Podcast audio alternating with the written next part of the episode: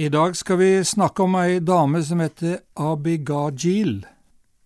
Hun er ikke blant de mest kjente kvinnene i Bibelen, selv om hun er nevnt flere ganger. Det viktigste stedet er i første Samuels bok, kapittel 25, og vi skal følge fortellingen i det kapittelet. Men først, jeg leste en gang om henne i ei bok, og der ble hun som en overskrift beskrevet på følgende måte. Hør godt etter nå. Et eksempel på hvordan kvinnelist kan overgå mannens forstand. Jeg syntes dette var en lite passende karakteristikk, og jeg vil heller i denne andakten bruke følgende overskrift. Abigajil er et eksempel på hvordan kvinnemot kan overgå mannens dumskap. Det står i kapittelet i vers tre at hun var en klok og vakker kvinne. Mannen hennes, Nabal, var svært rik, han hadde 3000 sauer og 1000 geiter, man skulle tro det holdt, men han var ond og vrang i all sin ferd. Og lenger nede i kapittelet står det at han var så ondsinnet at ingen turte å snakke til ham. Hans ferd var i ferd med å føre ulykke over seg selv, sin familie og ut til en videre krets. Og så i en parentes, det finnes mange kvinner som har slike menn også i dag. De lever i en nesten umulig situasjon, og noen går til grunne med slike menn. De har det vondt. Tilbake til fortellingen vår, der sies det at kong Davids menn hadde passet på gjeterne til Nabal og sauene hans da han hadde hatt de på beitemarkene langt borte. Nå hadde gjeterne kommet tilbake med alle dyrene, og de holdt på å klippe dem. Salget av ullen ville gi Nabal store inntekter. Og David han sendte ti av sine menn til Nabal, og på en pen måte ba han om å få en godtgjørelse fordi mennene hans hadde vært en garanti for gjeterne og dyra. Det skulle bare mangle om ikke Nabal ville gi David noe tilbake. Men nei da. Nabal han spotta David og sa at han ikke kjente han. Han insinuerte at David var en slave som rekte rundt omkring, og Nabal hadde ingen planer om å gi David noe som helst. Utsendingene vendte tilbake og fortalte hva Nabal hadde sagt. Det ble for mye for David. En slik utskjelling og fornærmelse mot seg selv og sine menn kunne ikke tåles, og David ba alle sine menn om å spenne sverdet i beltet. De gikk mot Nabal for å hevne det som var sagt og gjort. I mellomtiden hadde en tjenestegutt hos Nabal gått til Abigajil, Nabals kone, og fortalt hva som hadde skjedd og hvordan Nabal hadde hånet David, enda Davids menn hadde passet på både gjeterne og dyrene da de var på beite langt borte. Nå henger ulykken over husbonden vår og hele hans hus, sa gutten. Det er nå Abigajil blir hovedpersonen.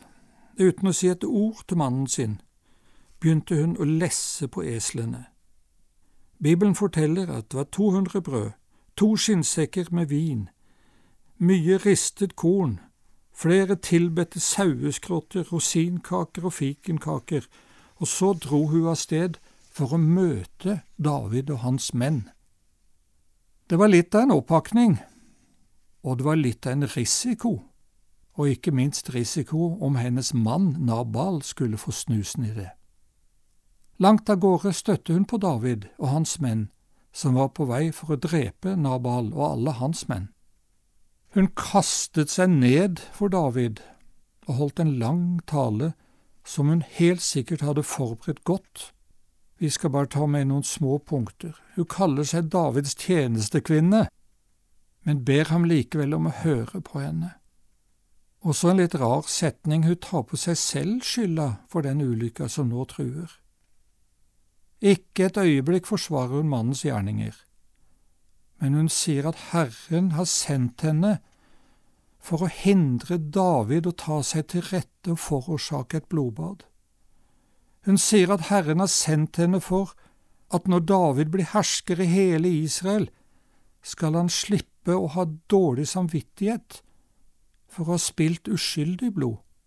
Og så ber hun David å ta imot gaven hun har med til ham og hans menn, som en forsoningsgave. David han stoppet opp for denne underlige, modige kvinnen, og han skjønte at hun hadde rett. Og hun hadde reddet hans samvittighet. Han velsignet henne og hennes mot og klokskap. Dra hjem i fred, sier han. Jeg har hørt din bønn, løft ditt ansikt. Abigal lyktes i sin dristige plan og handling. Hun skapte fred. Bibelen forteller at Gud ble forsonet da Jesus døde for vår synd, og han har satt oss inn i forsoningens tjeneste, slik andre Korinterbrev, kapittel 5, 17–21 handler om.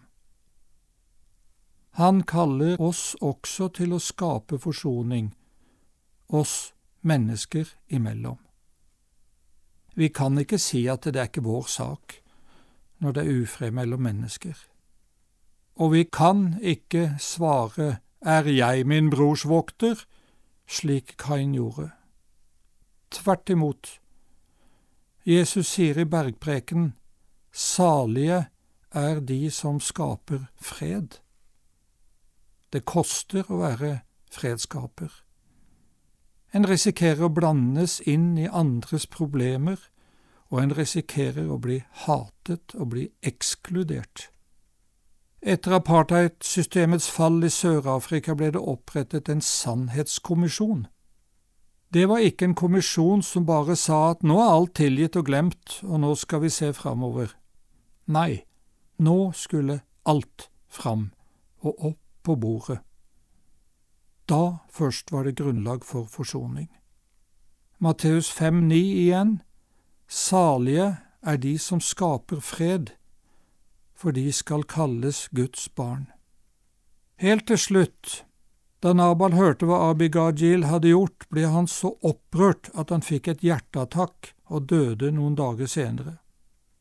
Da David hørte dette, sendte han bud til Abigajil og ba henne bli hans kone, og det ble hun også.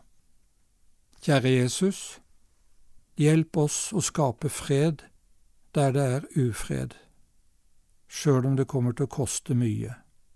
Amen.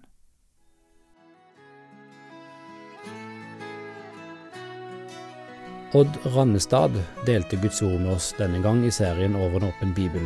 Den produseres av Norea Mediemisjon. Du kan lese mer om oss og finne flere andakter på norea.no.